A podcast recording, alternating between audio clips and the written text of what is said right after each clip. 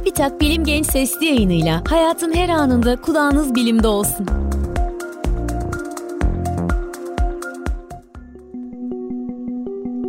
Gençler merhaba, ben Levent Kurnaz. Bir önceki Bilim Genç sesli yayınında da Mars'taki uzay araçlarını konuşuyorduk. Bu bölümde de Mars'ın yüzeyinde dolaşmakta olan robotlardan ve bu robotların geleceğinden söz edeceğiz.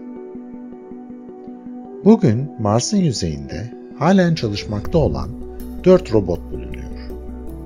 NASA'nın gönderdiği Curiosity, Perseverance ve InSight ile Çin Uzay Ajansı'nın yolladığı Zhurong araçları Mars'ın yüzeyinden veri gönderiyorlar. Bu robotlardan InSight sabit, diğerleri ise hareketli uzay araçlarıdır. Curiosity, şu anda Mars'ın yüzeyinde çalışmakta olan uzay araçlarının en eskisidir. Yaklaşık 900 kilogramlık ağırlığı ile Curiosity yani merak yaklaşık bir araba büyüklüğündedir. 2012 yılının sonunda Mars'a inen Curiosity'nin 2 yıllık çalışma süresinin dolmasına rağmen 9 yılın ardından hala çalışmasını sürdürmesi çok ilginçtir. Curiosity'nin görevleri arasında Mars yüzeyinde yaşam izlerini aramanın ötesinde hem yüzeydeki elementlerin hem de atmosferin analizi de bulunmaktadır. InSight yani sezgi ise Mars'ın iç yapısını anlamak için gönderilmiş sabit bir robottur. Yalnız InSight Mars'ın yüzeyini delerek aşağılara doğru hareket eden bir burguya da sahiptir.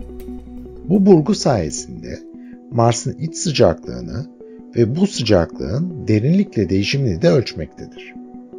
2018 yılında Mars'ın yüzeyine inen InSight'ın gönderdiği bilgilerden Mars'ın çekirdeğinin çoğunluğu katı olsa da sıvı kısımlarının da olduğu anlaşılmıştır.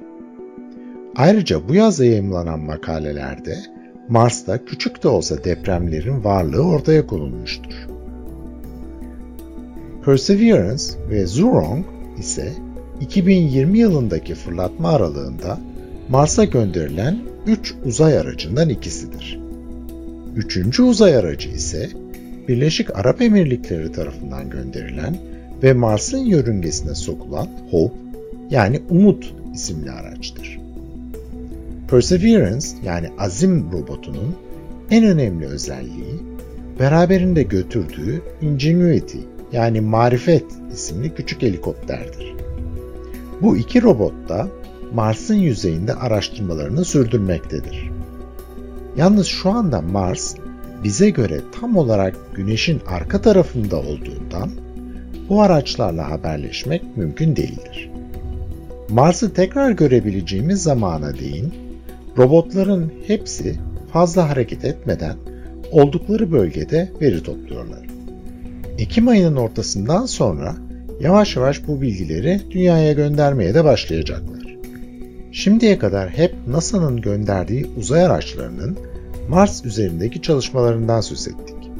Ama geçtiğimiz sene Çin Uzay Ajansı da ilk defa Mars'a hem bir yörünge aracı hem de bir robot gönderdi.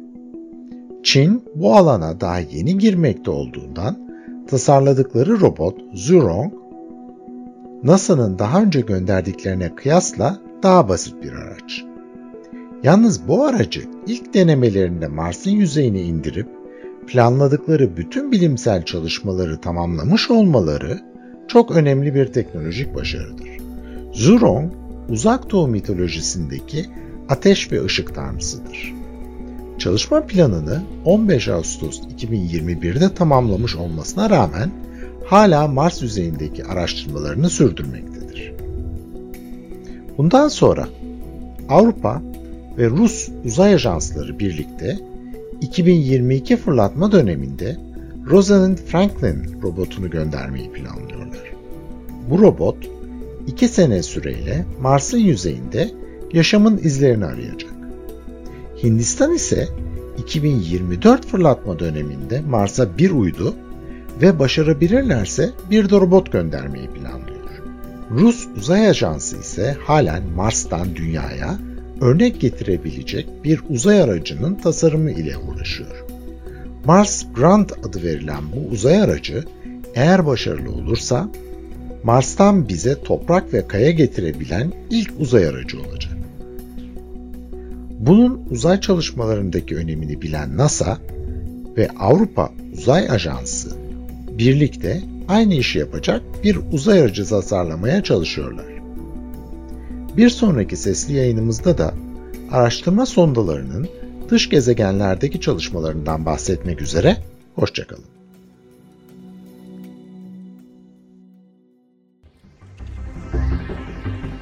Bilim Genç sesli yayınlarını SoundCloud, Spotify, Google ve Apple Podcast kanallarımızdan takip edebilirsiniz.